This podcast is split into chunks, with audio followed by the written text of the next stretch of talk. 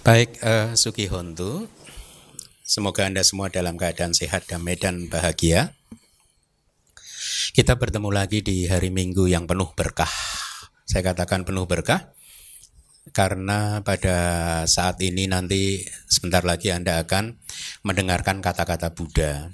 Ya, kata-kata yang terekam di dalam Sutta Pitaka itu uh, berasal dari kata-kata Buddha dan berkah ini menjadi bertambah lagi karena kata-kata Buddha itu nanti akan Anda dengarkan berdasarkan penjelasan yang diberikan oleh para arahat di masa lalu, diberikan oleh para guru kitab komentar atau guru kata-kata. Jadi kecil sekali, sedikit sekali yang merupakan mungkin kata-kata saya pribadi ya. Oleh karena itulah hari Minggu yang seperti ini adalah hari Minggu, minggu yang penuh dengan berkah dan seharusnya memang sebagai umat yang beragama eh, setelah satu minggu ini anda disibukkan dengan urusan keduniawian, maka seharusnya ada waktu istirahat dari keduniawian untuk kemudian mendengarkan kata-kata dari guru agung kita, kata-kata yang ada di kitab suci kita. Karena salah satu komponen dari e, beragama adalah kitab suci. Kalau Anda sebagai orang yang beragama tapi tidak pernah mempelajari kitab suci Anda, maka komponen beragama yang penting hilang. Jadi ya tidak beragama.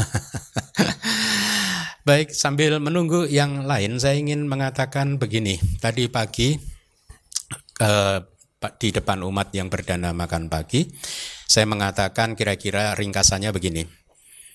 Eh, kitab suci kita sudah pernah saya kupas ya, sudah ada di muka bumi ini saat ini selama eh, 2500 tahun lebih sampai hari ini.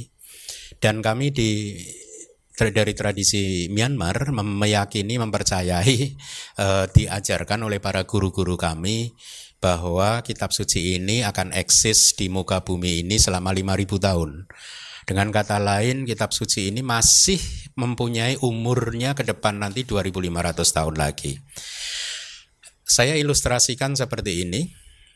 Seandainya seribu tahun yang lalu Anda semua lahir sebagai manusia dan menyukai ajaran Buddha, ya saya katakan menyukai ajaran Buddha karena di mata saya mereka yang mempraktekkan ajaran Buddha tidak harus beragama Buddha ya dan Anda sudah seharusnya bisa memahami kata-kata pernyataan saya yang seperti ini karena agama Buddha itu sama sekali bukan agama biasa. Dalam artian yang mengikat seseorang untuk beragama Buddha. Artinya siapa pun dengan agama apa pun bisa mempelajari ajaran Buddha, mempraktekannya tanpa harus beragama Buddha. Dengan agamanya yang lama nggak apa-apa, ya toh? Kan selama ini 3-4 tahun Anda sudah belajar dengan saya uh, ajaran Buddha nothing to do with religion sebenarnya kan? Ya, ini hanyalah semacam science untuk memahami kehidupan ini dengan baik dan karena kehidupan adalah universal, maka ini bisa dipraktekkan oleh siapa pun dengan agama apa pun. Nah, saya katakan kira-kira begini, karena kitab suci ini sudah berusia 2500 tahun, maka kalau 1000 tahun atau 2000 tahun yang lalu Anda lahir sebagai manusia dan menyukai ajaran Buddha, tidak harus beragama Buddha, maka Anda ketemu dengan buku bacaan yang sama. Betul? Kitabnya sama yang Anda pelajari kitab sucinya. Lebih jauh lagi kalau karena usia kitab suci ini masih 2500 tahun lagi, seandainya nanti 2000 tahun lagi, tahun 4000, Anda masuk lagi lahir ke alam manusia, Anda masih ketemu kitab suci yang sama. Betul?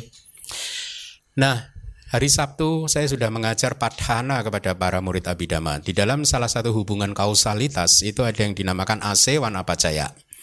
Ase wanapacaya itu adalah kondisi pengulangan Artinya kondisi pengulangan adalah sesuatu yang dilakukan berulang-ulang.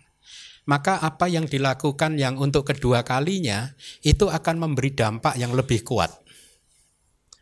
Ya, dilakukan untuk ketiga kalinya dampaknya lebih kuat dari yang kedua dan pertama. Dilakukan untuk keempat kalinya dampaknya lebih kuat dari yang ke satu, dua, tiga dan seterusnya. Nah, Diberi contoh begini, kalau Anda mempelajari satu buku, membaca satu buku, ketika Anda selesai membaca satu buku, Anda mungkin mendapatkan pengetahuan katakanlah 60%.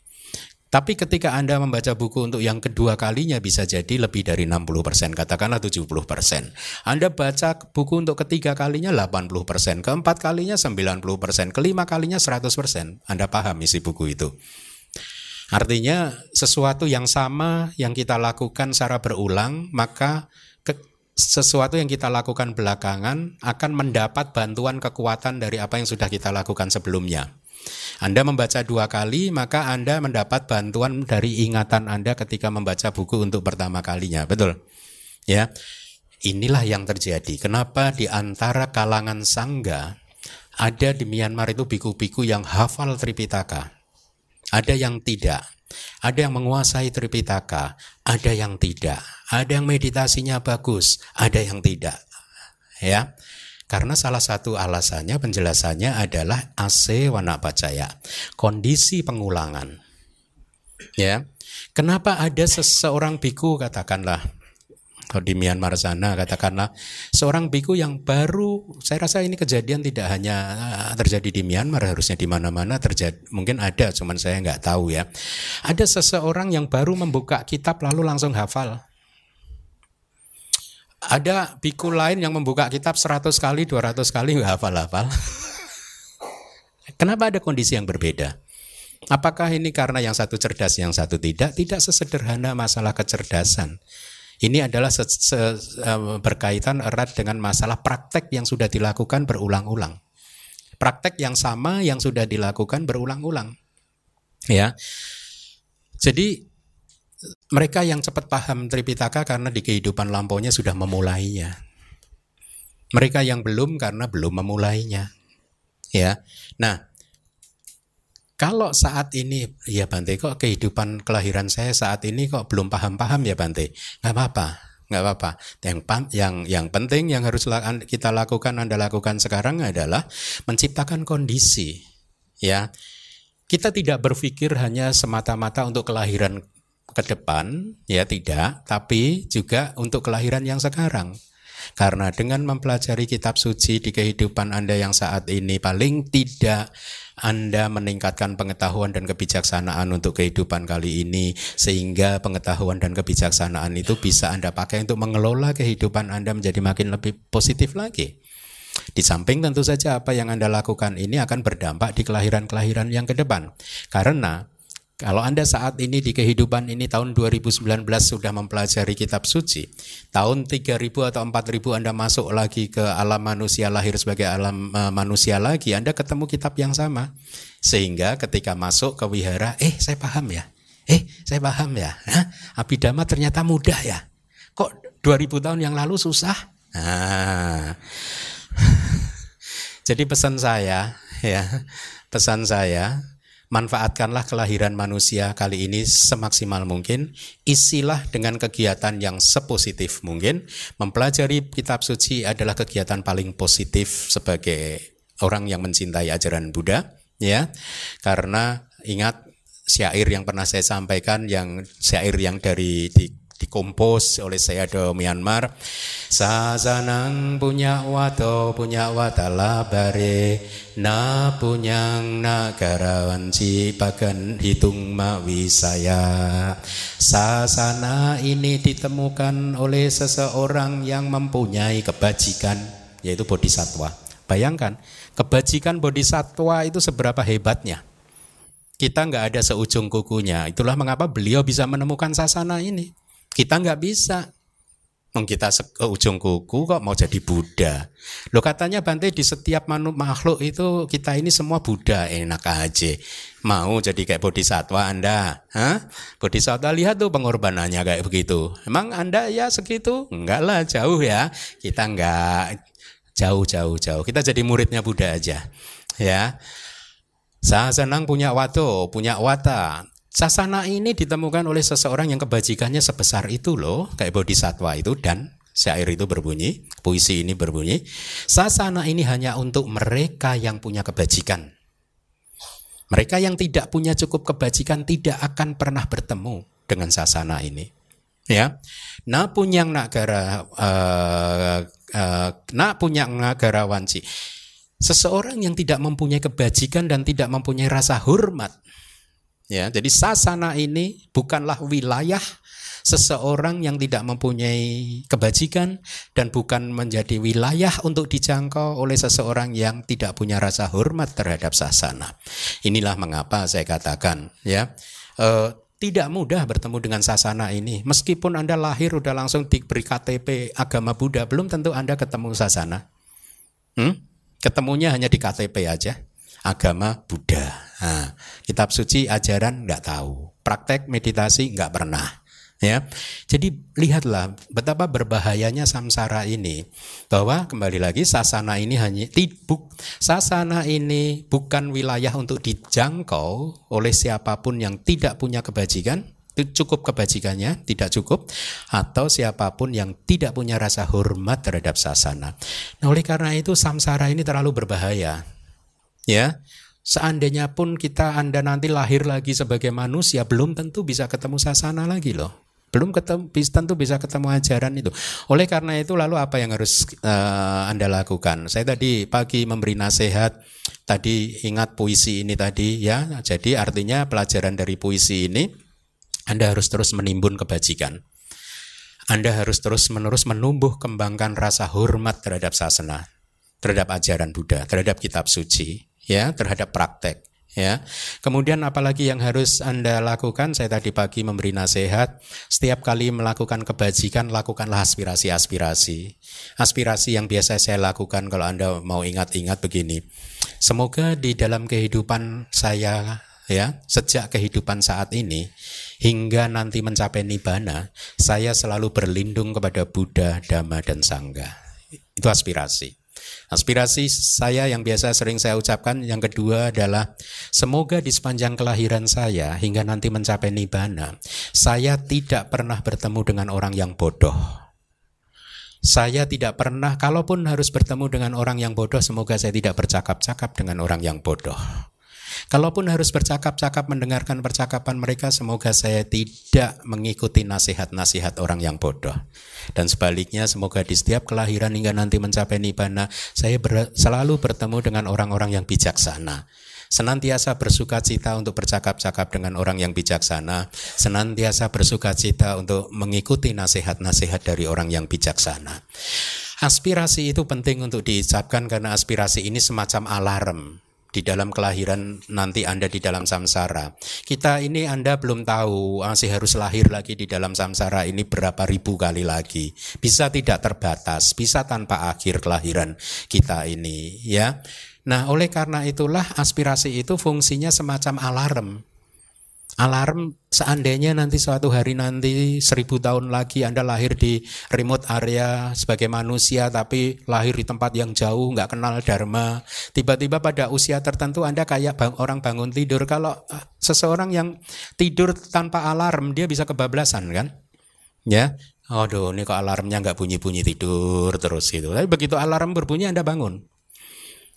Ini perumpamaan yang bagus ketika seseorang lahir sebagai manusia terlahir di remote area, tempat yang jauh dari dhamma, tidak mengenal dhamma, pada usia tertentu alarmnya berbunyi. Eh, akhirnya dia ketemu lagi dengan ajaran Buddha. Jadi melakukan kebajikan pun harus terampil, ya. Nah, eh, Loh Bante kenapa sih nggak mau berkumpul dengan orang yang bodoh? Ingat di buku Sutanta yang pertama yang sudah saya terbitkan ya. Anda baca lagi di Nawa Suta kalau tidak salah. Di sana ada disebutkan Bergaul dengan seseorang yang bodoh akan membuat kita menjadi bodoh, bahkan bisa lahir ke neraka. Karena karena karena nasihat-nasihat yang bodoh itu biasanya tidak bisa dipercaya, tidak bisa membawa kebaikan. Nasihat-nasihat dari orang yang bodoh. Kalau di kitab suci mengatakan orang yang bodoh, bala itu artinya identik dengan orang yang tidak bijaksana. Jadi jangan dianggap kok istilahnya kasar ya bodoh ya. Ya memang kitab suci memakai istilah tersebut. Nah, di kitab suci diberi perumpamaan begini. Ibaratnya daun yang tadinya baunya harum katakanlah Apabila dipakai untuk membungkus ikan yang baunya busuk, lama-lama daun itu busuk nggak? Busuk. Nah, itu adalah perumpamaan yang diberikan di kitab komentar. Seseorang yang bergaul dengan guru, dengan teman yang bodoh, lama-lama dia jadi bodoh, celaka, yang lebih celaka lagi dia bisa masuk ke neraka. Contohnya mana? Contohnya Ajata satu. Tragedi Ajata satu, ingat akan terus terjadi di zaman kapan pun. Itu cerita 2600 tahun yang lalu, tapi di setiap zaman akan selalu terjadi seorang yang tidak bijaksana atau seseorang mengikuti orang lain yang tidak bijaksana, akhirnya masuk ke alam apa ya? Kan tragis. Dalam posisi Ajata satu mempunyai cukup kebajikan untuk menjadi seorang sotapana loh. Ya, jadi kehidupan ini selama kita ini masih putu jana, setiap saat bisa berubah. Tidak ada jaminan, meskipun kebajikan sudah cukup besar pun, tetap saja kemungkinan untuk lahir keempat apa ya masih ada. Oleh karena itu hati-hatilah dan kembali lagi, eh, pelajarilah kitab suci dengan baik karena uh, saya meyakini itu meyakininya sebagai satu kebajikan yang akan memberikan buah yang besar. Baik, uh, saya rasa uh, kita lanjutkan uh, apa pembahasan dari suta ini ya. Saya telah mendengar demikian. Pada suatu waktu Begawan sedang menetap di Taman Timur, di istana ibunya Migara. Pada saat itu hari Uposata hari ke-15, pada malam purnama yang penuh, Begawan duduk di ruang terbuka dengan dikelilingi oleh sangha para biku. Sangga gitu ya. Kemudian seorang biku bangkit dari duduknya, membetulkan jubahnya di salah satu bahunya, dan merangkapkan tangan sebagai penghormatan kepada Begawan, berkata kepada beliau, Yang mulia, saya ingin mengajukan pertanyaan kepada Begawan mengenai hal tertentu. Andai saja Begawan Sudi memberikan jawaban atas pertanyaan saya. Kamu duduk di tempat dudukmu di sana, wahai biku, dan tanyakanlah apa yang engkau inginkan.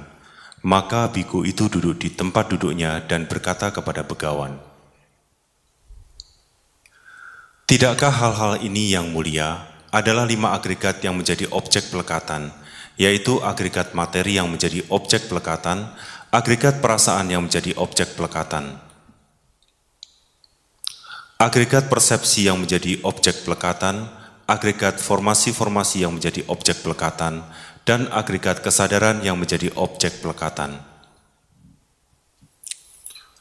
Hal-hal ini, wahai biku, adalah lima agregat yang menjadi objek pelekatan, yaitu agregat materi yang menjadi objek pelekatan, dan agregat kesadaran yang menjadi objek pelekatan.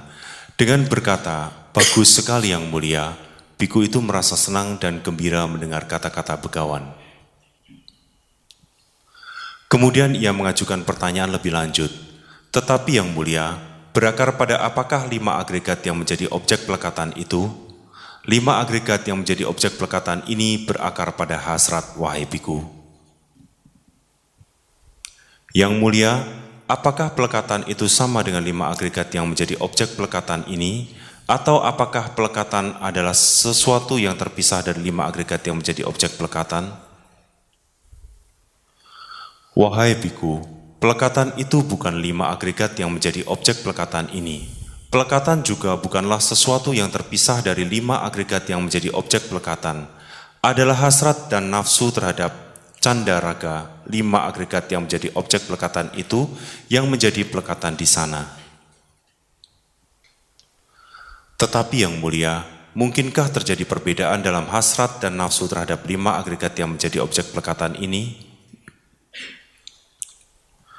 Mungkin saja, wahai biku, Begawan berkata, di sini, wahai biku, seseorang berpikir sebagai berikut, di masa depan, materi jadilah yang demikian, perasaan jadilah yang demikian, persepsi jadilah yang demikian, formasi-formasi mental jadilah yang demikian, Kesadaran jadilah yang demikian.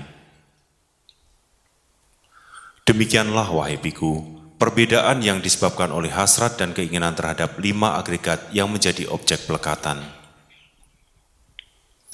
Tetapi yang mulia, dengan cara bagaimanakah sebutan agregat-agregat berlaku untuk agregat-agregat?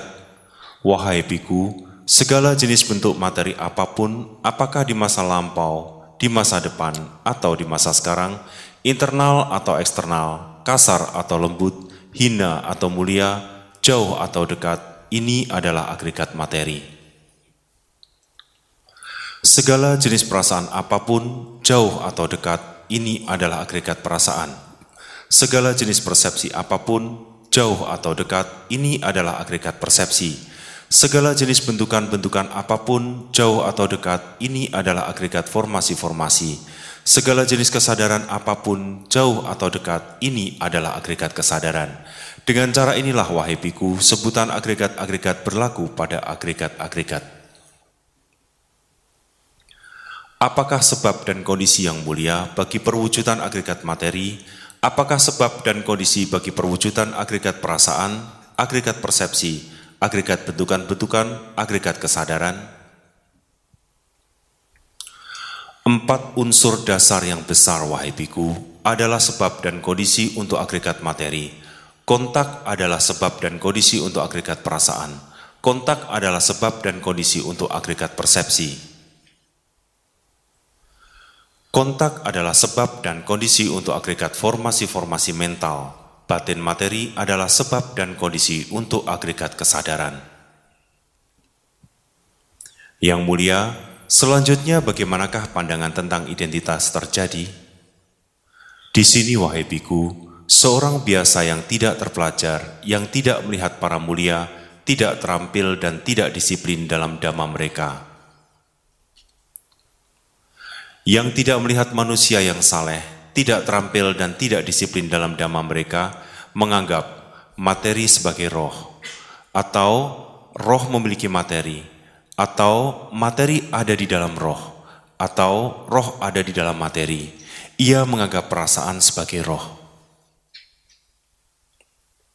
Persepsi sebagai roh, formasi-formasi sebagai roh, kesadaran sebagai roh, atau roh memiliki kesadaran, atau kesadaran ada di dalam roh, atau roh ada di dalam kesadaran.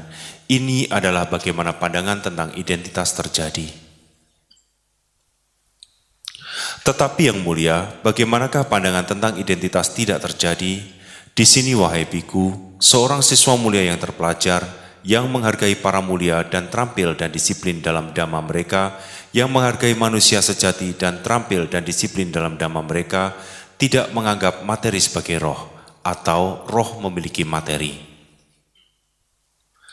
Atau materi ada di dalam roh, atau roh ada di dalam materi ia tidak menganggap perasaan sebagai roh, persepsi sebagai roh, bentukan-bentukan sebagai roh, kesadaran sebagai roh, atau roh memiliki kesadaran, atau kesadaran ada di dalam roh, atau roh ada di dalam kesadaran. Ini adalah bagaimana pandangan tentang identitas tidak terjadi. Apakah yang mulia rasa nikmat dalam kaitannya dengan materi? Apakah bahayanya dan apakah jalan keluarnya? Apakah rasa nikmat dalam kaitannya dengan perasaan? Apakah bahayanya? Dan apakah jalan keluarnya? Dalam kaitannya dengan persepsi, dalam kaitannya dengan formasi-formasi mental, dalam kaitannya dengan kesadaran?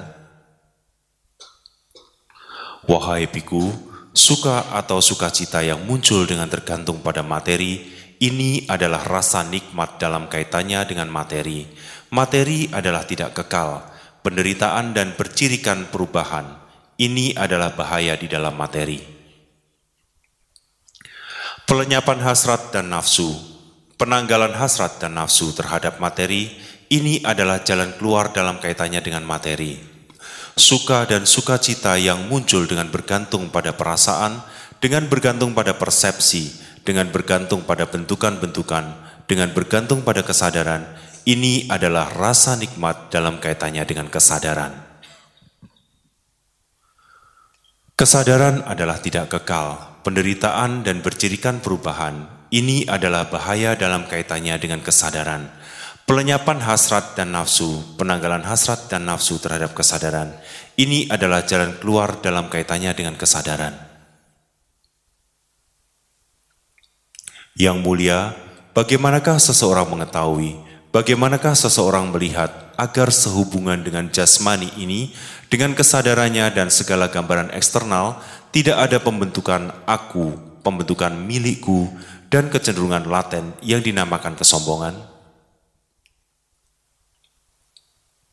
Wahai biku, segala jenis bentuk materi apa pun, apakah di masa lampau, di masa depan, atau di masa sekarang, internal atau eksternal, kasar atau lembut, hina atau mulia, jauh atau dekat, Seseorang melihat segala bentuk materi sebagaimana adanya dengan kebijaksanaan benar sebagai berikut.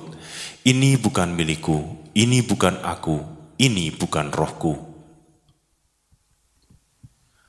Segala jenis perasaan apa pun, segala jenis persepsi apa pun, segala jenis formasi-formasi apa pun, segala jenis kesadaran apa pun, ia melihat segala jenis kesadaran sebagaimana adanya dengan kebijaksanaan benar sebagai berikut.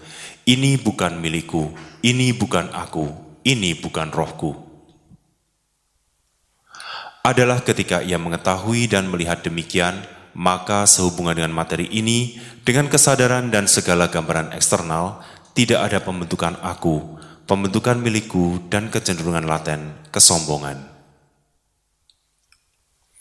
Kemudian dalam pikiran salah seorang biku muncul pikiran ini.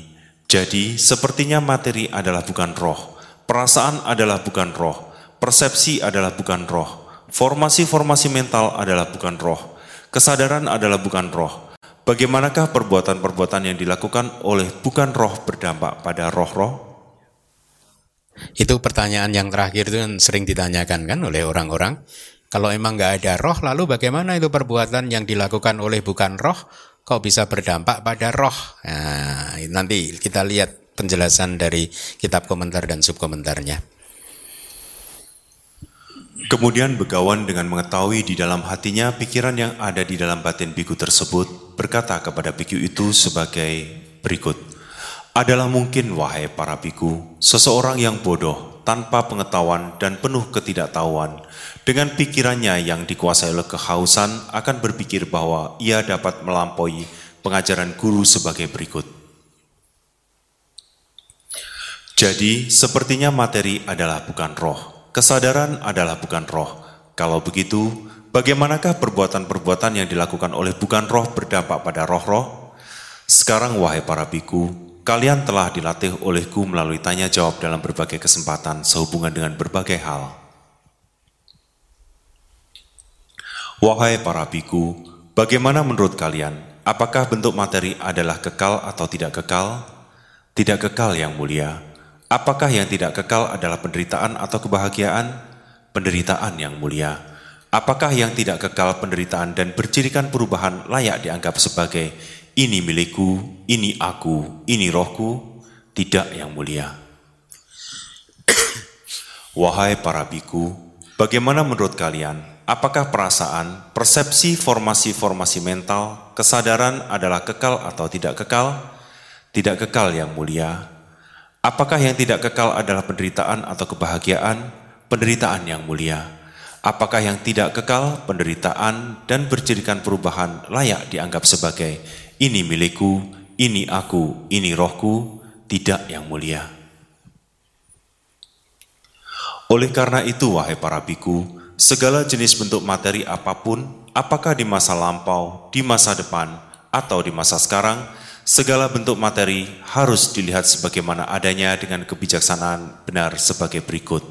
Ini bukan milikku, ini bukan aku, ini bukan rohku. Segala jenis perasaan apa pun, segala jenis persepsi apa pun, segala jenis bentukan-bentukan apa pun, segala jenis kesadaran apa pun, segala jenis kesadaran harus dilihat sebagaimana adanya dengan kebijaksanaan benar sebagai berikut. Ini bukan milikku, ini bukan aku, ini bukan rohku. Melihat yang demikian, wahai para biku, seorang murid suci yang terpelajar menjadi jijik terhadap materi, jijik terhadap perasaan, jijik terhadap persepsi, jijik terhadap formasi-formasi kehendak, jijik terhadap kesadaran. Karena jijik, ia melihat, ia menjadi tidak bernafsu. Melalui tanpa nafsu, dia terbebaskan, Ketika terbebaskan, muncullah pengetahuan. Terbebaskan, ia memahami. Kelahiran telah dihancurkan. Kehidupan suci telah dijalani. Apa yang harus dilakukan telah dilakukan. Tidak akan ada lagi penjelmaan menjadi kondisi makhluk apa pun. Mengalami kejijikan, dia menjadi tidak bernafsu. Dari tanpa nafsu, dia terbebas. Ketika telah terbebas, ada pengetahuan. Saya telah terbebas. Dia mengetahui kelahiran telah dihancurkan, kehidupan suci telah dijalankan, yang seharusnya dilakukan telah dilakukan. Untuk keadaan sekarang ini sudah tidak ada lagi yang lebih. Inilah yang begawan katakan, bersuka cita para biku gembira dengan apa yang telah ditemukan, dikemukakan oleh begawan. Dan ketika penjelasan ini sedang disampaikan melalui tiadanya genggaman, batin-batin, sejumlah 60 biku terbebaskan dari noda-noda batin. Baik. Malam Terima kasih Pak Teguh. Ya, malam purnama khotbah panjang yang ke-9 telah selesai. Mari kita lihat kitab penjelasannya. Minggu lalu sudah saya sampaikan secara sekilas 18 jenis materi dari 28. Dengan demi itu yang minggu lalu saya sampaikan adalah 18 jenis materi pembentuk tubuh jasmani yang apa yang kita kenal sebagai tubuh jasmani ya yang di harus bisa dilihat melalui pengetahuan wipasana. Jadi objek dengan kata lain 18 jenis materi yang minggu lalu sudah saya sampaikan adalah objek eh, untuk wipasana kita.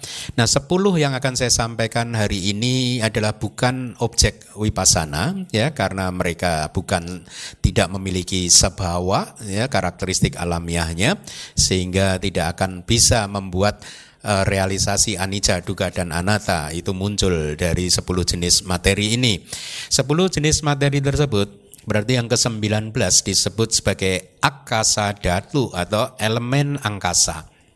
Seperti halnya angkasa ini, kayak Anda sekarang duduk di antara kursi-kursi ini, ya, Anda itu dibatasi antara uh, uh, yang saling berjejeran ini dibatasi oleh angkasa, oleh space, ya uh, Anda dan teman Anda yang duduk di sebelah Anda itu dibatasi oleh angkasa.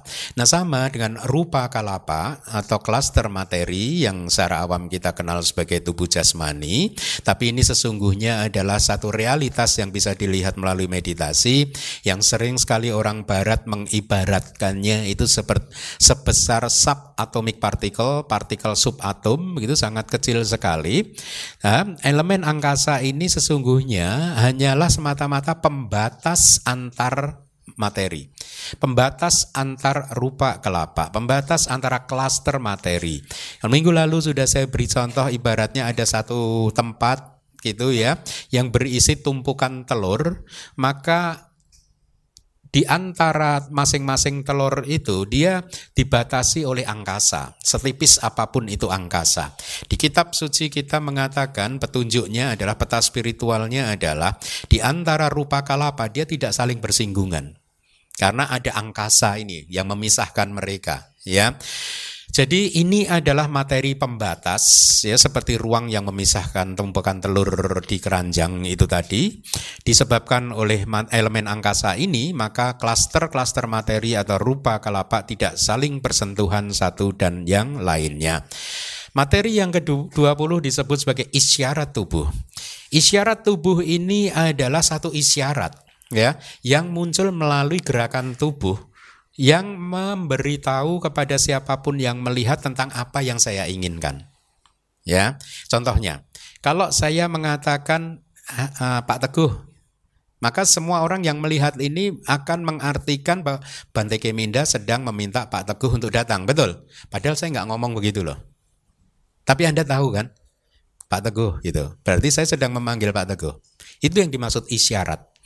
Isyarat tubuh adalah sesuatu yang uh, muncul melalui gerakan tubuh yang menginformasikan maksud hati seseorang yang menggerakkan tubuhnya sehingga mereka yang melihat bisa tahu maksud hati orang yang menggerakkan tubuh tersebut ya. Jadi menarik kan kalau di dalam kitab uh, khususnya di kitab Abhidhamma ini dijelaskan dengan sangat detail. Jadi isyarat tubuh itu karakteristiknya tidak lain dan tidak bukan sebenarnya hanyalah ciri terjadinya perubahan di dalam elemen angin yang bersumber dari kesadaran, ya. Jadi begini, ketika saya mempunyai pikiran di dalam hati saya, saya ingin memanggil Pak Teguh, Kemudian saya menggerakkan tangan. Pikiran saya ingin mengambil Pak Teguh ini memproduksi elemen angin. Salah satu, ada banyak materi yang diproduksi, salah satunya yang diproduksi adalah elemen angin.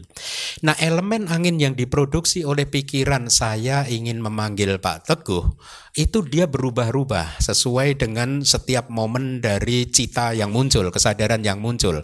Perubahan elemen angin inilah yang membuat akhirnya tangan ini begini bergerak. Ya untuk menunjukkan maksud saya, isi hati saya, sehingga Anda semua tahu. Nah, makanya eh, isyarat tubuh ini, kalau tadi karakteristiknya adalah perubahan elemen angin yang muncul dari kesadaran, yang bersumber dari kesadaran, dia mempunyai fungsi juga. Fungsinya adalah untuk publisitas, memberitahu seseorang tentang isi hati saya. Kalau Anda memberikan sesuatu kepada saya, kemudian saya nggak berbicara apa-apa, tapi saya hanya menggelengkan tangan, berarti Anda pahaminya sebagai apa? Hah? Menolakan kalau saya bukan orang India. saya dulu waktu tinggal di India awal-awal sempat bingung. Saya ngobrol sama orang India sedikit-sedikit dia, saya pikir nggak setuju, ternyata setuju. Kalau orang India kan kebalikan ya. ya. Oke, benar penolakan. Ya, jadi padahal saya nggak berbicara apa-apa kepada Anda, tapi Anda paham dari gerakan e, kepala saya. Karena ketika saya di dalam hati berpikir nggak mau, pikiran tidak mau itu memproduksi banyak rupa kelapa. Salah satunya elemen angin yang dominan, dia membuat perubahan-perubahan tertentu sehingga kepala saya bergerak. Ya, nah inilah mengapa saya sering mengatakan bahwa Tripitaka itu peta spiritual, Abhidhamma itu peta spiritual. Kalau tidak mempunyai peta spiritual, maka perjalanan perjalanan kita akan bisa menuju ke arah yang salah. Saya selalu kayak seperti tadi malam di kelas Abidama, saya benar-benar menekankan kepada para murid Abidama, berpeganglah kepada kitab suci, berpeganglah kepada kitab suci karena sudah banyak contoh dari orang-orang yang tidak paham kitab suci, dia bermeditasi kemudian muncul pandangan salah. Bahkan ada seorang guru meditasi yang terkenal yang mengatakan semuanya itu anicca kecuali cita kesadaran itu kekal, enggak enggak enggak enggak enggak tidak kekal, tapi kekal. Saya rasa beliau keliru menginterpretasikan pengalaman jana beliau. Ya. Nah, itulah mengapa kitab itu penting. Kitab suci itu penting. Bahkan juga ada yang mengatakan seorang guru mengatakan begini. Ini hanya saya tadi malam saya sampaikan. Anda mengetahui apa yang disebut anusaya kilesa kan? Anusaya kilesa itu kilesa yang sedang tertidur. Ya, Nah, guru ini memahami karena dia adalah sedang tertidur, dia sebenarnya itu ada tapi sedang tidur. Ya, ini karena kurangnya peta, pengetahuan terhadap kitab suci. Dengan memberi perumpamaan seperti ini, ya. Uh, anda tahu jamu bubuk ya, yang dari serbuk itu ya. Kalau Anda menyeduh jamu yang terbuat dari serbuk atau bubuk itu dengan air panas, kemudian kan Anda aduk ketika Anda aduk untuk cukup jangka waktu yang lama, akhirnya kan ter- mengendap itu bubuknya itu dibiarkan kemudian mengendap kan yang di air di atasnya itu adalah air. Nah diberi perumpamaan bahwa anu saya kilesa atau asawa itu seperti bubuk yang mengendap itu tadi loh. Dia ada di dasar hati kita. Dia masih tertidur, dia masih mengendap. Ketika disentuh oleh kondisi-kondisi tertentu, dia akan muncul ke permukaan ya itu sama dengan serbuk jamu tadi. Ketika mengendap dia mengendap seolah-olah itu perumpamaan kilesa kita yang sedang tertidur. Tapi ketika diaduk maka endapan tadi akan muncul ke permukaan. Artinya kilesa Anda kemarahan Anda saat ini sedang tertidur. Ketika dicolek ada kondisi yang ini kemarahannya sedang muncul eh, akhirnya muncul. Muncul ke permukaan pikiran atau keluar melalui mulut atau melotot lewat mata ya That is so wrong. Yes, sama sekali keliru. Karena ini adalah pemahaman tentang adanya roh itu ya kayak begitu itu mengendap. Ya, berarti ada yang kekal. Anu saya kilesa itu kekal karena dia mengendap di dasar hati kita. No, semua dhamma baik kesadaran batin atau tubuh jasmani kita ini usianya hanya satu persekian ratus ribu miliar detik. Atau kalau mudahnya satu per satu triliun detik. Katakanlah ini perumpamaannya saja. Kenapa? Karena Buddha tidak pernah mengeluarkan statement secara spesifik untuk uh, dimensi waktunya, tapi beliau mengatakan di dalam satu jentikan jari uh, satu triliun kesadaran muncul dan lenyap. Satu jentikan. Berarti satu seper satu triliun detik usia dari kita itu sebenarnya hanya sepanjang itu saja. Oleh karena itu di dalam kitab Abhidhamma dikatakan bahwa sesungguhnya kita manusia ini setiap detik meninggal dunia. Jadi ini sekarang Anda sudah lahir baru ini manusia yang baru, bebas dari segala dosa kesalahan Anda di masa lalu. ya. Baik, kita lanjutkan lagi. Itu tadi adalah isyarat tubuh ya. Uh, jadi kembali lagi uh, yang materi yang nomor 21 adalah isyarat lisan. Kalau tadi isyarat tubuh, maka sekarang adalah isyarat lisan. Isyarat yang melalui muncul melalui lisan kata-kata ini, ya. Sehingga maksud hati saya diketahui, ya.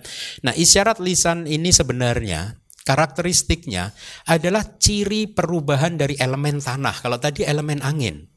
Kalau ini elemen tanah, seperti sifat dari elemen tanah. Ketika dua elemen tanah yang keras berbenturan, dia menghasilkan suara. Nah yang menarik ketika ing, saya ingin berbicara misalkan dhamma wihari. Pikiran dhamma wihari itu salah satunya itu faktor mental yang bernama witaka. Itu mendorong terjadinya benturan antar elemen tanah sehingga sedemikian rupa benturannya itu sehingga akhirnya Anda mendengarnya dhamma wihari. Menarik ya? Sebenarnya ini suara ini efek dari benturan elemen tanah di dalam saya, di dalam diri saya ini. Ya. Itu hal-hal seperti ini di dalam kitab Abhidhamma itu dijelaskan. Ya. Nah, tetapi walaupun demikian dia bukan objek vipassana. Karena dia tidak memberikan petunjuk tentang anicca, dukkha dan anatta kepada kita. Ya. Itu yang 21 uh, fungsinya sama untuk memberitahu maksud hati seseorang ya. Ketika saya mengatakan datang kemari maka Anda tahu bahwa saya memanggil Anda. Kata-kata saya itu menginformasikan kepada Anda apa yang ada di pikiran saya. Kata-kata saya dan pikiran saya itu adalah dua wujud yang berbeda. Tapi kata-kata saya adalah mempublikasikan maksud hati saya sehingga Anda paham apa yang ada di dalam isi pikiran saya. Ya, itu yang dimaksud dengan jenis materi yang ke-21 yang dinamakan atau disebut sebagai isyarat lisan. Kemudian materi yang nomor 22 dan nomor sampai nomor 24 yaitu keringanan materi, kelenturan materi, kecekatan materi ya. Uh, itu tidak lain dan tidak bukan uh, mudah untuk dipahami. Dalam kehidupan sehari-hari kadang Anda merasakan tubuh Anda terasa berat, kadang Anda merasa tubuh Anda ringan kadang merasa kaku, kadang lentur, ya toh? Kadang Anda lamban tubuh Anda nggak cekatan, kadang cekatan. Ini yang membedakan karena intensitas beberapa jenis materi ini nomor 22 sampai nomor 24 yaitu keringanan materi, kelenturan materi dan kecekatan materinya berbeda-beda. Hal ini terasa ketika Anda retret panjang gitu ya. Kemudian satu hari di dalam retret Anda sati dan samadhi Anda berkembang, perhatian penuh dan konsentrasi Anda berkembang, tiba-tiba Anda merasakan tubuh Anda menjadi sangat sehat ya sangat sehat, sangat segar, sangat lentur, sangat ringan, sangat cekatan. Ya, Anda yang sudah sering mengikuti retret coba perhatikan perubahan di dalam tubuh Anda. Ketika retret sudah memasuki hari ketiga, keempat, kelima, kalau meditasi Anda berkembang, pasti Anda mas akan bisa mengingat pada waktu itu tubuh Anda pun terasa ringan, cekatan, terampil apa eh, apa eh, lentur ya tidak tidak malas mau ke mana aja pengennya ke mana aja tubuh ini tidak menjadi beban Ya, itu terjadi karena adanya perubahan yang diciptakan oleh materi yang disebut materi perubahan, ya. Kemudian materi yang nomor 25 sampai 28 itu sesungguhnya hanyalah Eh, materi produksi itu tidak lain adalah kemunculan materi ya. Kemudian kesinambungan materi, kelapukan materi, ketidakkekalan materi itu hanyalah istilah-istilah untuk kelahiran materi lapuk dan lenyap. Muncul uh, lapuk dan lenyap begitu ya. Nah, jadi Anda sudah mengerti sekarang eh, paling tidak sudah pernah mendengar 28 jenis materi itu seperti itu. Paham? Enggak banting, enggak apa-apa. Semoga seribu tahun lagi Anda bisa memah Atau kalau seribu enggak bisa dua ribu dah. Ya, enggak apa-apa. Nah, mari kita lanjutkan lagi. Dari sutanya sekarang, dari kitab komentarnya. Kemudian Setelah datang untuk melayani guru, artinya para biku tadi datang untuk melayani Buddha, atau di sini Tera, guru dari 60 biku tadi, ya. Beliau bersujud dan duduk. Tera artinya ini merujuk pada guru dari 60 biku tadi yang senior yang sesungguhnya juga sudah arahat. Ya. Bertanya kepada mereka mengenai penguasaan tentang unsur dasar yang besar ya dan lain-lain. Oh maaf, berarti ini murid-muridnya datang kepada Tera bersujud dan kemudian gurunya bertanya, apakah kira-kira gini ya, apakah sudah menembus uh, unsur dasar yang besar? Dijawab ya. Di dalam wipasana mereka, mereka sudah bisa melihat empat unsur dasar yang besar, yaitu elemen tanah, air, api, dan angin. Kemudian ditanya lagi, apakah sudah melihat menembus eh, materi-materi yang bergantung dari empat unsur dasar yang besar, yang tadi 18 dikurangi 4, berarti 14 jenis materi? Ya, sudah bisa. Tetapi ketika ditanya apakah sudah mengerti tentang eh, menembus jalan dan buah, mereka tidak bisa menjawab. Inilah mengapa gurunya kemudian berpikir gitu. Ya, kenapa? Pada saat wipasana mereka sudah berkembang seperti itu, melihat empat maha buta bisa, terus kemudian melihat materi yang bergantung pada empat maha buta bisa, tapi kok tetap saja murid-muridnya belum mencapai maga dan pala, belum tercerahkan gitu.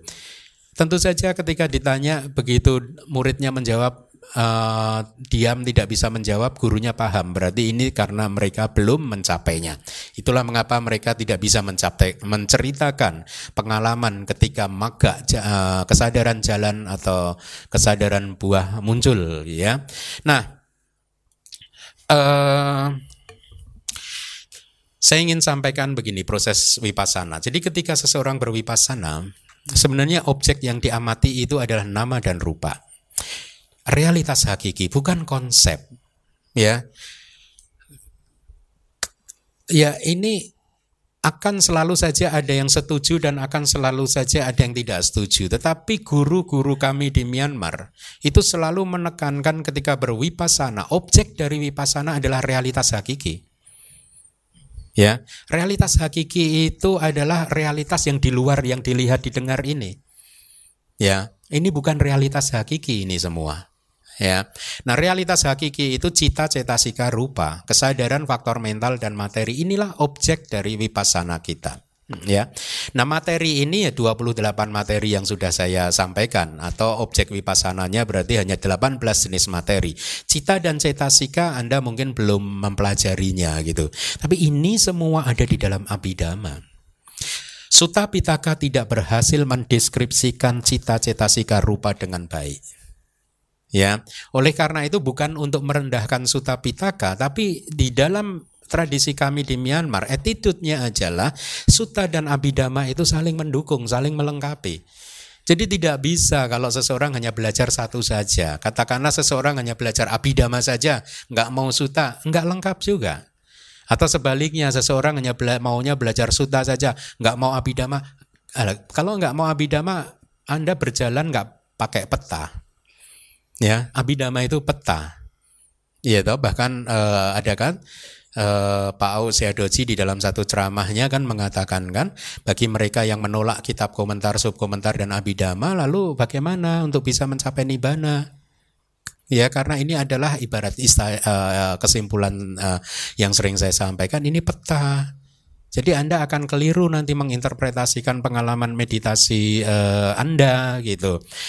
Ya, jadi di dalam abidama realitas-realitas hakiki seperti cita, cetasika dan rupa itu didefinisikan dengan sangat bagus sekali, sangat akurat sekali sehingga mencegah kita untuk salah atau keliru memahami dhamma. Gitu, ya. Nah, itulah mengapa Ketika seseorang berwipasana kemudian berhasil mengamati realitas-realitas hakiki tadi, nama dan rupa tadi, cita-cita sika dan rupa itu tadi, ya, dia akan merealisasi pengetahuan wipasana secara bertahap. Ya, pemahamannya akan semakin lama semakin dalam tentang ciri karakteristik fungsi dari cita-cita sika dan rupa. Ketika wipasana pengetahuan wipasananya sudah berkembang sempurna, maka sebagai puncaknya hasil dari wipasana dia, maka kesadaran jalan dan kesadaran buah muncul.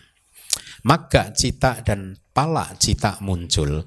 Kemunculan kesadaran jalan dan kesadaran buah ini yang dikenal secara awam sebagai pencerahan. Karena kemunculan dari kesadaran jalan, jalan itu maga. Kemunculannya dia itu hanya muncul untuk melakukan satu tugas saja. Tugasnya apa? Menghancurkan kilesa. Sehingga setelah kemunculan kesadaran jalan, kilesa atau kotoran-kotoran batin yang dihancurkan untuk selanjutnya tidak bisa muncul lagi. Dalam kondisi apa pun tidak akan pernah bisa muncul lagi kan udah mati. Ya. Nah, proses penghancuran kilesa membutuhkan empat tahapan. Secara bertahap ada empat tahapan.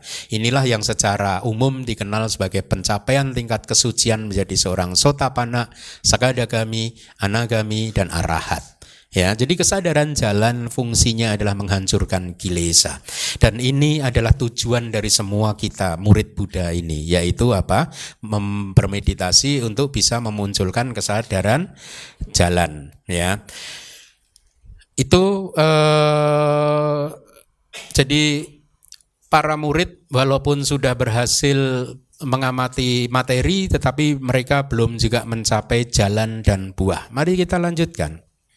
Kemudian Tera atau gurunya berpikir, tidak ada nasihat yang kurang sebenarnya untuk mereka itu di hadapan saya. Artinya beliau sudah memberikan nasihat, semua nasihat yang harus diberikan sudah diberikan. Dan gurunya juga berpikir, para muridnya juga sudah berusaha dengan sepenuh hati tidak ceroboh dalam perilaku mereka. Bahkan ketika hanya memberi minum air kepada seekor ayam jantan, mereka juga tidak ceroboh untuk memastikan bahwa airnya tidak ada makhluk hidup. Ya, ya makanya kalau kami eh, biasanya kalau di wihara di wihara Myanmar itu saking hati-hatinya gitu kami memang biku itu kan mempunyai satu alat yaitu penyaring, penyaring air di air minum itu pun disaring untuk memastikan tidak ada binatang yang ikut ya supaya tidak ceroboh aja ya. Nah jadi Tera atau guru berpikir dengan semua yang sudah terjadi itu kenapa murid-muridnya juga belum mencapai apa yang seharusnya mereka capai ya? Atau di dalam kitab uh, subkomentarnya penjelasannya begini ewang santepi maka pelani nibate tungna sakonti artinya ewang santepi bahkan ketika telah diberikan seperti yang ewang demikian itu ya. Nibate itu nak sakonti. Mereka tidak mampu untuk menghasilkan maga pelani jalan-jalan dan buah-buah. Jadi bahkan sudah diberi instruksi sudah diarahkan masih tetap saja belum bisa mencapai jalan dan buah. Selanjutnya saya tidak mengetahui kecenderungan mereka si Tera berpikir ya arus kesadaran para muridnya itu kecenderungannya ke mana? Mereka akan menjadi orang yang harus dibimbing oleh Buddha karena Buddha mengetahui kecenderungan manusia. Kemudian setelah membawa mereka Tera berpikir saya akan pergi mengunjungi guru yaitu Buddha. Kemudian guru akan membabarkan dhamma sesuai dengan sifat kecenderungan mereka. Lalu dia pun pergi ke dekat guru dengan membawa murid-muridnya yaitu 60 biku-biku tersebut. Di senja hari, guru pun mengambil air yang dipersembahkan oleh Ananda Tera. Makanya saya di kelas minggu lalu mengatakan suta ini agak syahdu gitu ya. Karena menceritakan aktivitas guru kita gitu ya. Jadi di sore hari itu yang Arya Ananda mempersembahkan air dan guru mengambilnya ya kemudian membuat tubuhnya untuk mengambil temperatur artinya untuk mendinginkan tubuh uh, uh, Buddha. Dan duduk di tempat duduk yang telah secara khusus dipersiapkan untuk Buddha di ruang khusus yang ada di depan istana ibu dari Migara Biku Sangga pun duduk mengelilingi beliau ya sambil Anda membayangkan. Anda salah satu yang mengelilingi beliau. Tapi yang lain jadi arahat Anda masih lahir sampai hari Pada saat itu matahari telah tenggelam, oh, ya kan? Bagus kan? Romantis ya. Rembulan mulai terbit dan begawan duduk di tengah-tengah. Belum ada cahaya rembulan, belum ada sinar matahari. Sinar kembar Buddha atau bayangan Buddha yang terdiri dari enam warna melumuri sinar rembulan dan matahari. Artinya bercampur dengan sinar rembulan dan e, matahari ya. Itu berarti setelah ada cahaya rembulan dan sinar matahari menerangi setiap onggokan tanah atau batu mungkin begitu memancar ke semua penjuru ya. Nah, itu adalah gambaran mengenai tolok ukur kekuatan seorang Dhamakatika seberapa banyak beliau mampu maka itu akan beliau sampaikan. Jadi di sini beliau uh, guru akan uh, menyampaikan dhamma. Demikianlah Tera bersama dengan para pengikutnya hening. Dia bangkit dan mencari kesempatan untuk bertanya kepada guru. Kemudian Begawan berpikir, Buddha berpikir, seandainya dia bertanya sambil berdiri di tempat ini, kemudian biku-biku lainnya akan berdiri karena berpikir, guru kami telah berdiri, dengan demikian mereka telah melakukan perbuatan yang tidak hormat kepada tata agata. Dan itu ketidakbajikan. Itulah mengapa di kelas Abidama yang tiga tahun yang lalu saya sampaikan, kalau Anda bernama sekarang kepada biku, itu yang dalam posisi bahaya itu bikunya malah. Ya, oleh karena itu ketika seseorang bernama sekarang di hadapan biku, Anda sedang melakukan kebajikan. Dan bikunya tidak boleh juga memunculkan perasaan sombong. Dia harus indifferent aja, UPK saja. Ya, atau bahkan mungkin mengapresiasi ada seseorang yang sedang melakukan kebajikan. Begitu termasuk kita kayak tadi pagi umat berdana makan kepada Buddha Rupang, kemudian bersujud di hadapan Buddha Rupang. Itu adalah kebajikan. Ya bukan ber, berpikir bahwa di dalam Buddha Rupang ada rohnya seperti boneka-boneka yang sedang heboh itu enggak lah. No, minggu lalu sudah saya katakan betul. Ya, minggu lalu apa pesan saya lebih baik kayak orang bule skeptis nggak percaya. Dan baru beberapa hari yang lalu salah satu umat mengirimkan link kepada saya Bante, iya lo nggak benar, itu bikunya disuruh lepas subhan. Nah, apa kata saya? ya kan? Orang nggak usah percaya yang gitu-gitu boneka-boneka. Udah kita sudah punya Buddha Rupang yang hebat begini, udah kita satu saja. Apalagi kalau disuruh beli mahal-mahal gitu. Enggak lah gitu. Ya. Jadi kita bersujud di depan Buddha Rupang karena kita mengucapkan terima kasih dan kita bersujud itu melakukan kebajikan, berterima kasih karena Buddha, karena beliau kita bisa menjadi orang seperti hari ini, seperti saat ini, bisa mengerti mana yang baik, mana yang tidak baik, bisa mengerti apa yang harus dilakukan dan apa yang tidak boleh dilakukan karena jasa beliau. Iya toh? Tanpa beliau kita nggak tahu loh, nanti malah kebalik-balik ya toh yang buruk dianggap baik yang baik dianggap buruk begitu. Ya jadi itu nasihat uh, apa di dalam slide guru Buddha berpikir kembali lagi saya katakan kalau ada teman-teman Anda mengatakan kitab komentar bukan kata-kata Buddha salah. Ya toh karena sebagian dari kitab komentar ada kata-kata Buddha kan? Ini salah satu contohnya. Jadi kitab komentar kata-kata Buddha yang tidak ditempatkan di Sutta Pitaka ditempatkannya di kitab komentar. Ya. Nah Mari kita lanjutkan. Atau ya, apabila mereka bertanya sambil duduk sementara gurunya sedang berdiri, maka mereka telah melakukan perbuatan yang tidak hormat kepada gurunya gitu. Dengan demikian mereka tidak akan mampu menjadi tenang untuk menerima dhamma di sana. Jadi lihat, pertimbangan guru agung kita itu sangat penuh dengan kewelas asihan demi uh, perkembangan dari para muridnya gitu.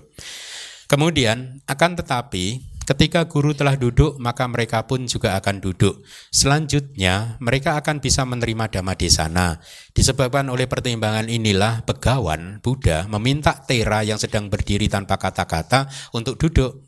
Ya, Kemudian di suta ada kalimat begini, bukankah hal-hal ini yang mulia adalah lima agregat yang menjadi objek pelekatan, yaitu agregat materi yang menjadi objek pelekatan, agregat perasaan yang menjadi objek pelekatan, dan seterusnya, dan seterusnya yang kemudian Buddha membenarkan, iya itu agregat materi yang menjadi objek pelekatan, dan seterusnya.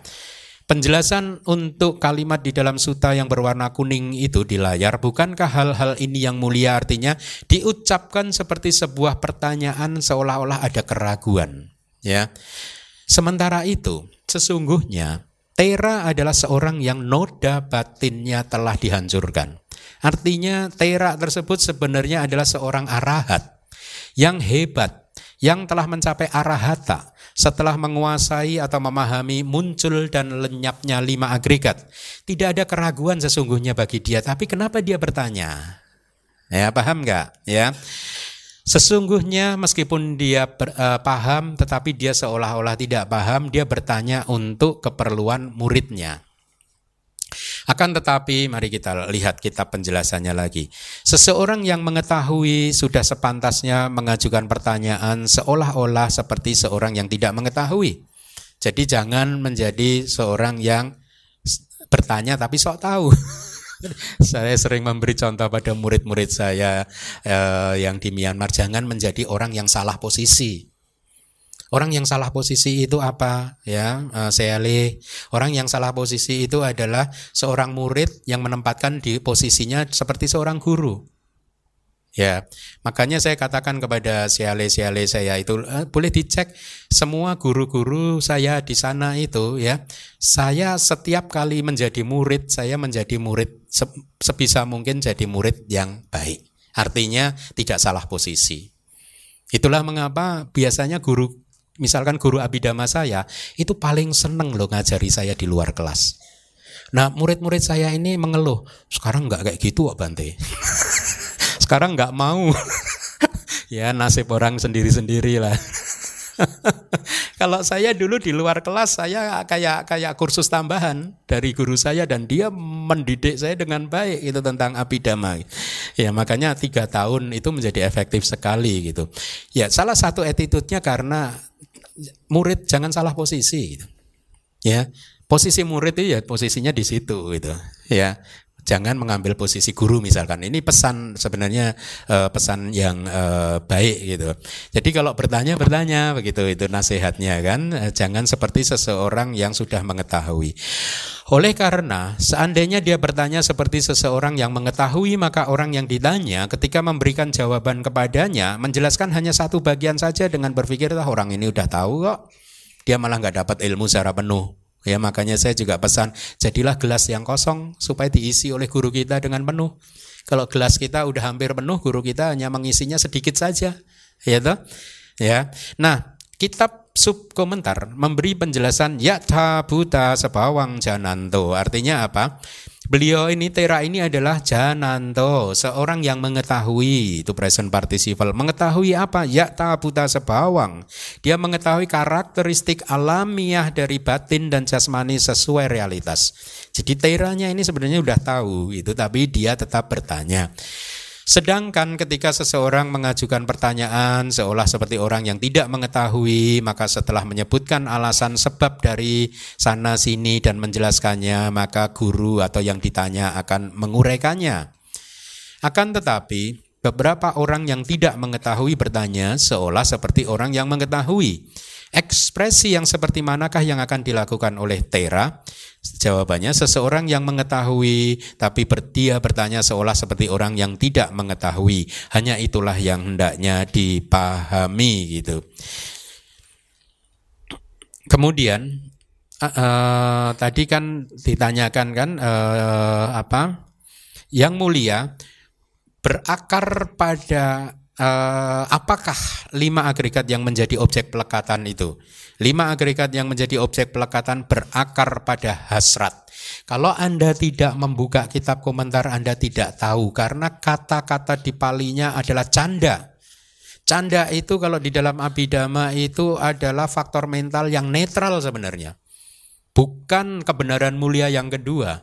Inilah mengapa kitab komentar itu penting sekali. Kenapa salah satu kembali lagi dan lagi kita mendapatkan jawaban yang berbeda dari yang kita pikirkan ketika apabila kita tidak membuka kitab komentar.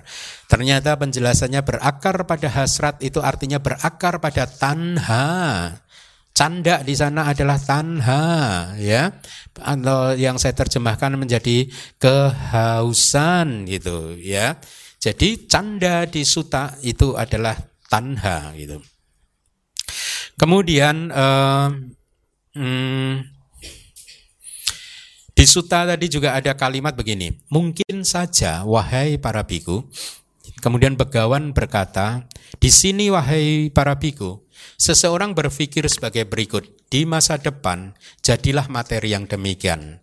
Ya, Ewang merupang hotu, ewang merupang mahositi. Jangan jadi yang seperti itu. Jadi ini kan perilaku orang yang tidak tercerahkan kan. Berusaha mengendalikan kehidupan Anda kan. Ya, mengendalikan lima agregat. Lima agregat perasaan. Jangan jadi seperti itu, jadi aja seperti ini. Persepsi, jangan berpersepsi yang negatif-negatif lah. Berpersepsi yang positif-positif. Tapi tekad hanya tekad saja karena persepsi bukan milik Anda. Perasaan pun juga bukan milik Anda. Meskipun Anda, eh perasaan muncullah yang sukacita terus, jangan yang duka cita. Itu hanyalah keinginan saja. Tapi perasaan tidak tunduk kepada Anda. Ya karena sesungguhnya perasaan tidak ada yang memilikinya. Makanya dikatakan itu bukan milikku, bikin milik saya. Bahkan sesungguhnya aku dan saya pun juga tidak ada. Ya.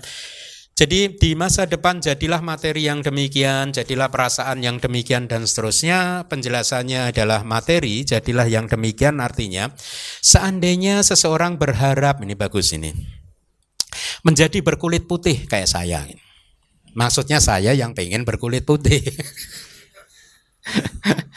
atau berwarna kuning langsat atau merah arsenik. Maaf ya, ini bukan Sarah, ini dari kitab.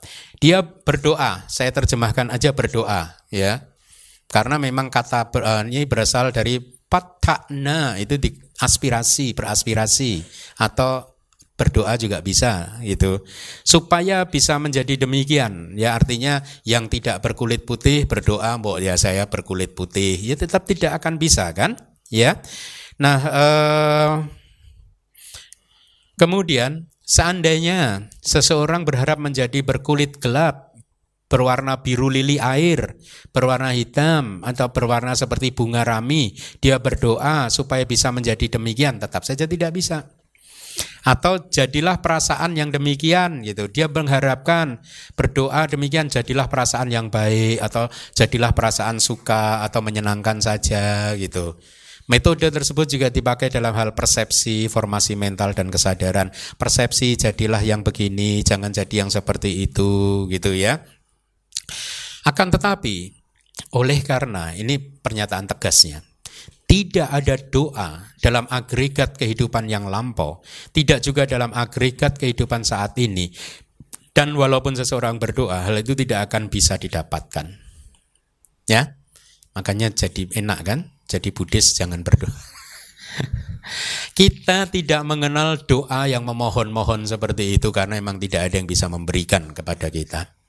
Kalau Anda ingin mengerti bagaimana perspektif Buddhis tentang berdoa, bacalah artikel tulisan saya tentang berdoa yang diterbitkan oleh majalahnya DBS, entah dua edisi yang lalu atau tiga edisi yang lalu. Anda saya membuat artikel yang cukup panjang uh, dengan sumber-sumber referensi yang yang sah, yang benar, itu ya. Kalau Anda ingin bahagia, ya yang anda laku yang harus anda lakukan bukan berdoa. Kalau anda ingin bisnisnya sukses yang anda lakukan tidak berdoa. Karena berdoa bukan jalan menuju kesuksesan kalau Anda ingin mencapai ke perpustakaan DBS, maka berjalanlah di atas jalan yang menuju ke arah N2 perpustakaan DBS. Ya, kalau Anda ingin sampai ke Pantai Indah Kapuk, maka berjalanlah di atas jalan yang membawa Anda sampai ke Pantai Indah Kapuk. Kalau Anda ingin bahagia, maka lakukanlah sesuatu yang menuju ke arah kebahagiaan. Apa itu? Kebajikan. Ya, jadi di artikel itu saya tulis. Kalau Anda sudah melakukan kebajikan, menanam biji mangga, Anda sudah sirami, ya, Terus biji mangganya udah tumbuh menjadi pohon mangga yang besar. Dan Anda kan pengen buah mangga. Apakah Anda masih perlu berdoa tolong dong biji uh, pohon mangga ini semoga berbuah pada waktunya, semoga buahnya subur, tolong, tolong. Perlu nggak sih? Hah? Sudah sifatnya biji mangga yang Anda rawat akan berbuah. Hah? Malah kadang kalau kita doain, doa ini malah ngerecokin pohon mangganya sebel malah. Ah, apa sih ini? Ini kok bos saya ini lebay ini gitu. udahlah diem gitu saya akan berbuah gitu ya nggak perlu didoain ya cukup anda rawat biji mangga benih mangga pohon mangga sirami kasih sinar matahari yang Anda kan di rumah suka bercocok tanam kan? Hah? Kalau Anda menanam pohon mawar, Anda doain nggak sih supaya eh, ingat ya ini yang saya tanam benih bunga mawar loh ya, jangan berbuah berbunga yang lain. Perlu Anda ancam-ancam gitu juga nggak sih? Udah, semua punya sifatnya masing-masing gitu ya. Nah, di artikel itu saya tulis. Ya, Anda Anda Anda boleh baca artikel tersebut. Kita lanjutkan. Uh, Ya tadi dikatakan metode yang sama artinya untuk persepsi, formasi mental dan lain-lain gitu. Jadi kalau di kitab Tika itu disebutkan begini. Jadilah persepsi yang baik, jadilah persepsi yang sempurna, yang terampil, yang bersih, yang kuat ya. Atau formasi mental, jadilah formasi-formasi mental kehendak yang bersih dan bertahan lama gitu ya. Jadilah kesadaran yang hebat dan suci gitu. Ya, jadi itu penjelasannya.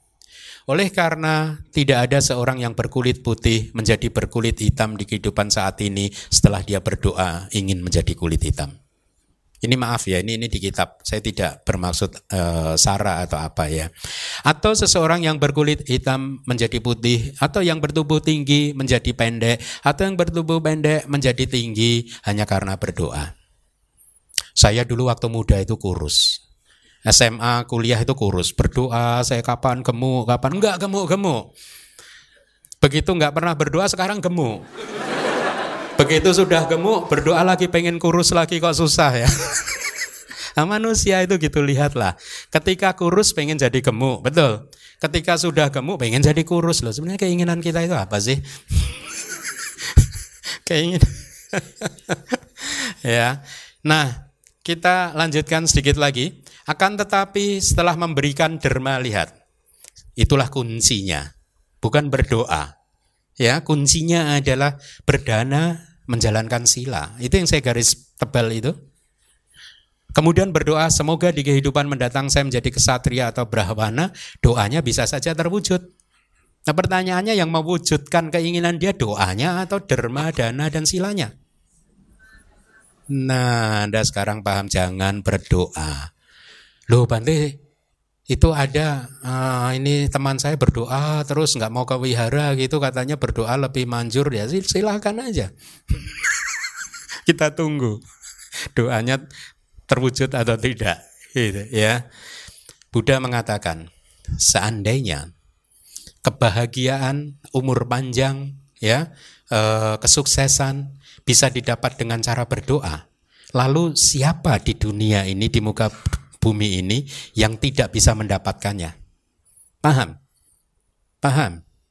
Apa sulitnya berdoa? Kalau saya beri Anda, eh saya punya mantra sakti nanti ke ruang saya lima menit saya ajari. Pasti semua bisa. Tapi faktanya 7 miliar manusia di muka bumi ini banyak yang menderita meskipun seribu kali berdoa setiap hari. Artinya berdoa bukan obat yang ampuh untuk menyembuhkan penyakit. Itu kacamata Buddhis.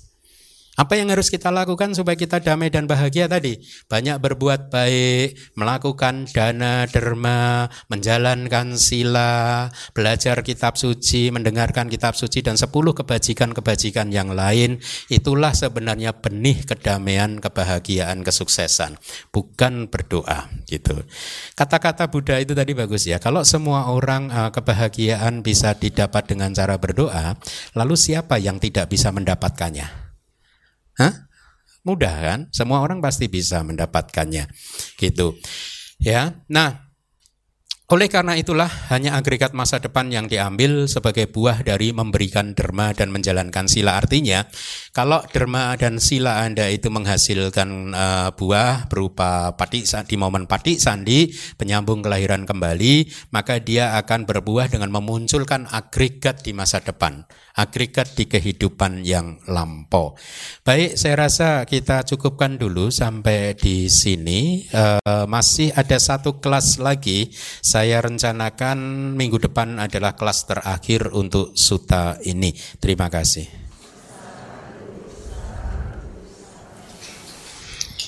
Uh, Sukihon tuh Bante. Uh, minggu lalu kan ada dijelasin tentang materi transparansi. Uh, mungkin apakah ada penjelasannya mengapa disebut transparansi atau tembus pandang? Hmm. Lalu yang minggu lalu juga dijelasin kan contohnya cakupasada itu kan kita seperti melihat apa yang kita lihat itu sebenarnya kan gradasi warna berbenturan dengan cakupasada objek mata ah, oke okay. uh, materi transparansi warna, ya? mata mm -hmm.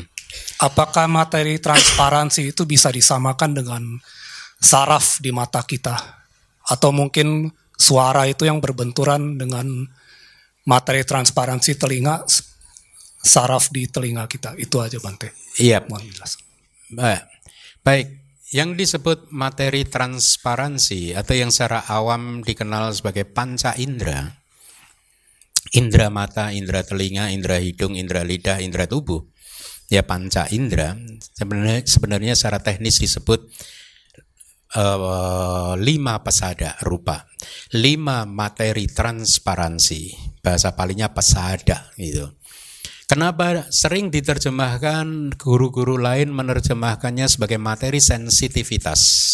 Ya, tetapi saya menerjemahkannya menjadi materi transparansi. Kenapa? Karena memang realitasnya materi ini berbeda dengan materi yang lain dia lebih transparan dibandingkan jenis materi-materi yang lain yang mengelilingi dia. Jadi kan ini kan terdiri dari banyak materi di seluruh tubuh kita, ya. Karena uh, rupa kelapa sebenarnya lebih tepatnya karena uh, uh, bentuk terkecil dari materi itu rupa kelapa.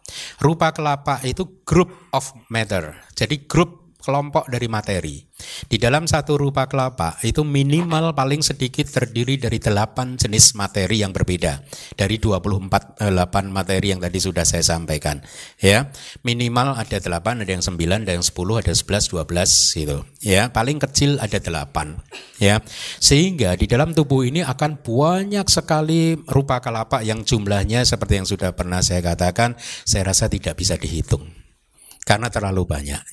Sehingga di dalam katakanlah cakuk pasada ya tadi materi transparansi mata itu di dalam satu klaster rupa kelapanya itu terdiri dari 10 materi.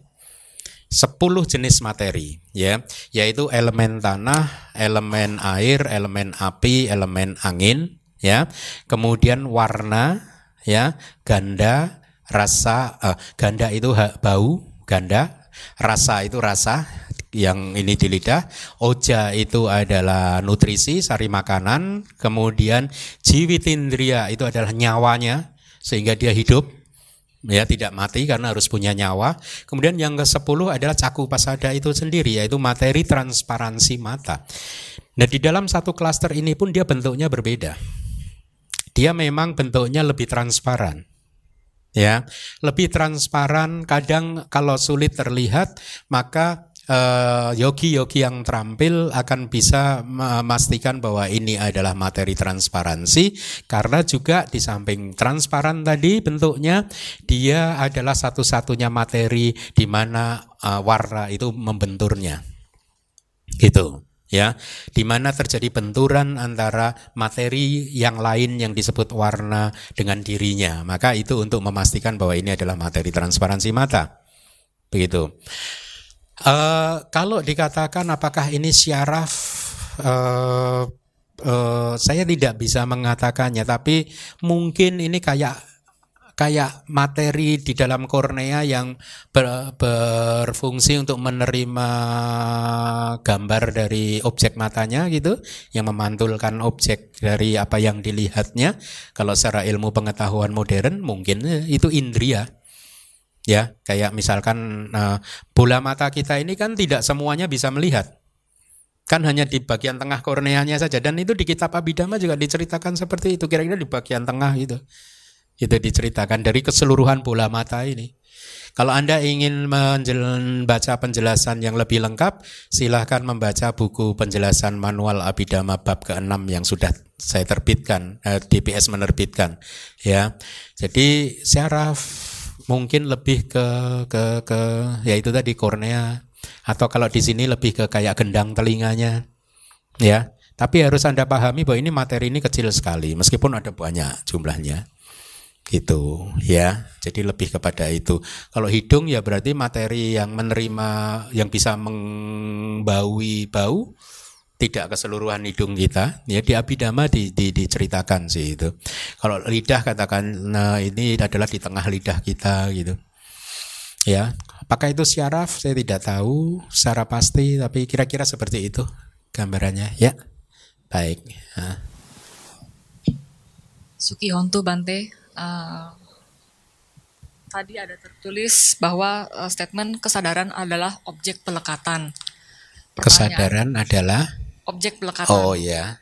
Nah, pertanyaan saya, apakah kesadaran di statement ini adalah kesadaran yang sama yang kita latih pada saat kita bermeditasi? Ya. Kesadaran adalah objek pelekatan, materi adalah objek pelekatan ya dan agregat-agregat yang lain perasaan konsepsi juga adalah objek pelekatan. Pertanyaannya adalah apakah kesadaran ini adalah kesadaran yang sama yang kita amati pada waktu meditasi. Nah, kembali lagi inilah mengapa pentingnya memahami peta spiritual karena di dalam peta spiritual itu semua dhamma, semua objek itu dielaborasi dengan sangat detail. Tadi malam baru saja saya sampaikan di depan murid-murid Abidama. Setelah saya menulis 10 buku, 11 buku ini nanti yang akan terbit uh, tahun ya 11 dengan buku Mahasati Padana Sutta. Saya ada satu uh, pemahaman dari saya ya, yaitu sulitnya menulis buku dalam posisi dalam stat keadaan saya harus menemukan menciptakan istilah-istilah terminologi-terminologi Buddhis sendirian yang belum baku di Indonesia. Kenapa? Karena terminologi-terminologi Buddhis ini itu balki banget, banyak sekali. Ya. Sehingga kalau mereka yang tidak uh, belajar secara proper dulunya, pasti akan kesulitan untuk mempertahankan konsistensi pemakaian terminologi. Seperti misalkan di dalam Abhidhamma, saya sudah menulis, menerjemahkan buku 1, buku 2, buku 3, sampai buku 6. Itu udah penuh dengan terminologi. Ya, Kalau saya sering membayangkan, untung saya dulu belajar secara proper. Kalau saya dulu tidak belajar secara proper, bagaimana ini saya? Bagaimana menulis buku yang harus konsisten? Karena ini ibarat abidama itu tadi terminologi-terminologi termasuk yang Anda tanyakan, kesadaran itu kan harus didefinisikan. Kesadaran yang seperti apa yang dimaksud? Ya makanya saya akan buka jawaban saya dengan menyampaikan hal yang tadi malam sudah saya sampaikan. Ibaratnya membangun satu gedung ini. Abidama adalah gedung ini. Ya, gedung ini kan terdiri terdiri dari berbagai macam material. Ada pasir, ada kerikil, kerica atau apa gitu ya dan lain sebagainya gitu. Yang itu semua harus didefinisikan dengan baik. Karena kalau tidak, maka konsistensi gedung ini tidak akan terlihat. Dengan kata lain, kalau saya membuat buku Abidama itu tidak konsisten menggunakan mendefinisikan terminologi-terminologinya, maka murid yang mendengarkan atau ikut ke kelas saya setelah sekian tahun tetap nggak akan paham gambar dari gedung Abidama. Itu ini saya dan inilah mengapa saya sering bertemu dengan seseorang yang sudah belajar dhamma selama 10 tahun, 15 tahun tapi nggak pernah paham nggak paham-paham juga yang pernah saya katakan seharusnya menurut pengalaman saya belajar dhamma itu seperti orang kita dulu kuliah. Kita kuliah kan tidak untuk kuliah 10 tahun kan? Betul kan? Ya kan? SMA itu ya hanya tiga tahun, bukannya seumur hidup SMA kan?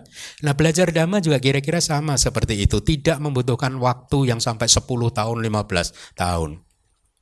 Saya sering menyampaikan kepada beberapa murid, saya dulu belajar dhamma tiga tahun di Myanmar bukannya 30 tahun. Ya, dan tiga tahun itu cukup. Nah sehingga kembali lagi kalau konsistensi terminologi itu tidak ada maka murid yang mendengarkan saya juga bingung sehingga akhirnya dia tidak bisa memahami bangunan abidama itu seperti apa tidak bisa memahami bangunan ajaran Buddha yang benar itu seperti apa karena komponennya tidak didefinisikan dengan konsisten apa yang dipelajari di bab 1 muncul lagi di bab 5 tapi menggunakan istilah yang berbeda murid bingung lagi begitu. ya.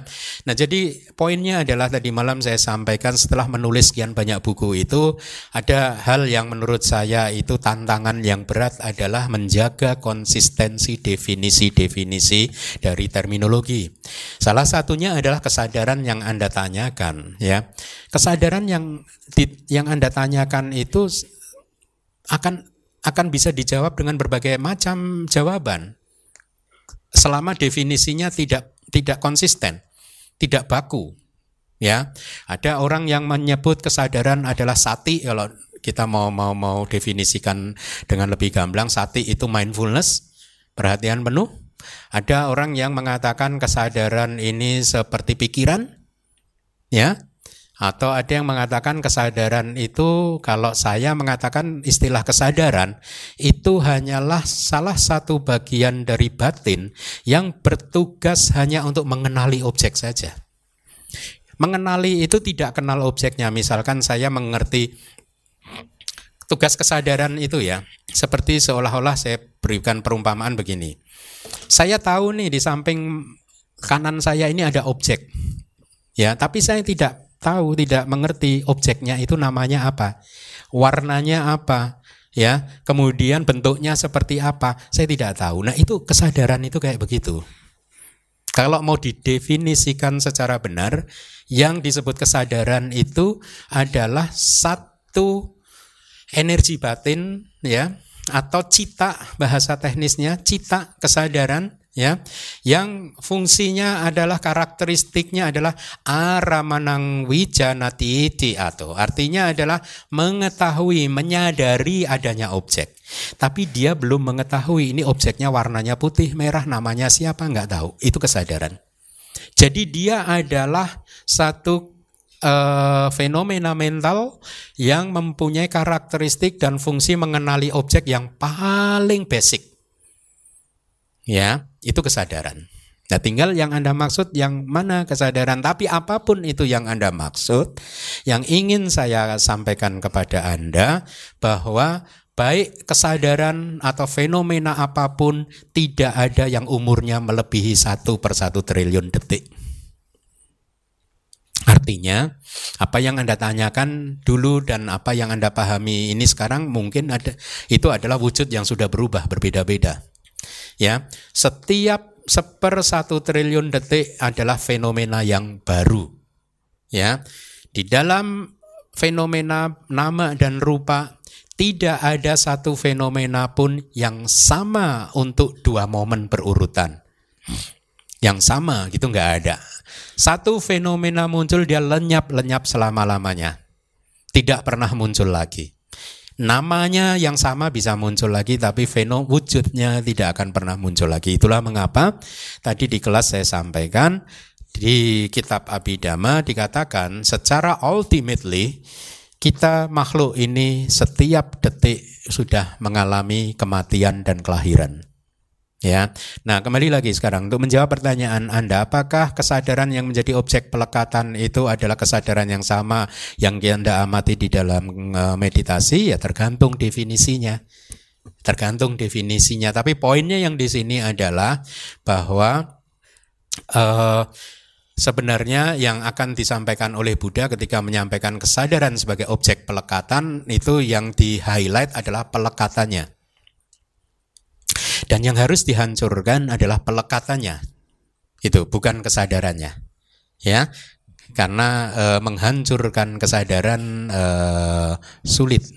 Tidak akan dia akan padam saja ketika arahat mencapai parinibbana gitu ya. Jadi apa pun poinnya dari ini yang ingin saya sampaikan kepada Anda yang ditekankan adalah pelekatannya ini adalah yang sumber penyakitnya ya objeknya bisa kesadaran bisa tubuh jasmani bisa persepsi bisa formasi mental bisa apa pun ya. Tapi uh, yang harus kita hancurkan adalah pelekatannya. Yang minggu depan akan saya bahas apa itu pelekatan. Ya. Oke. okay.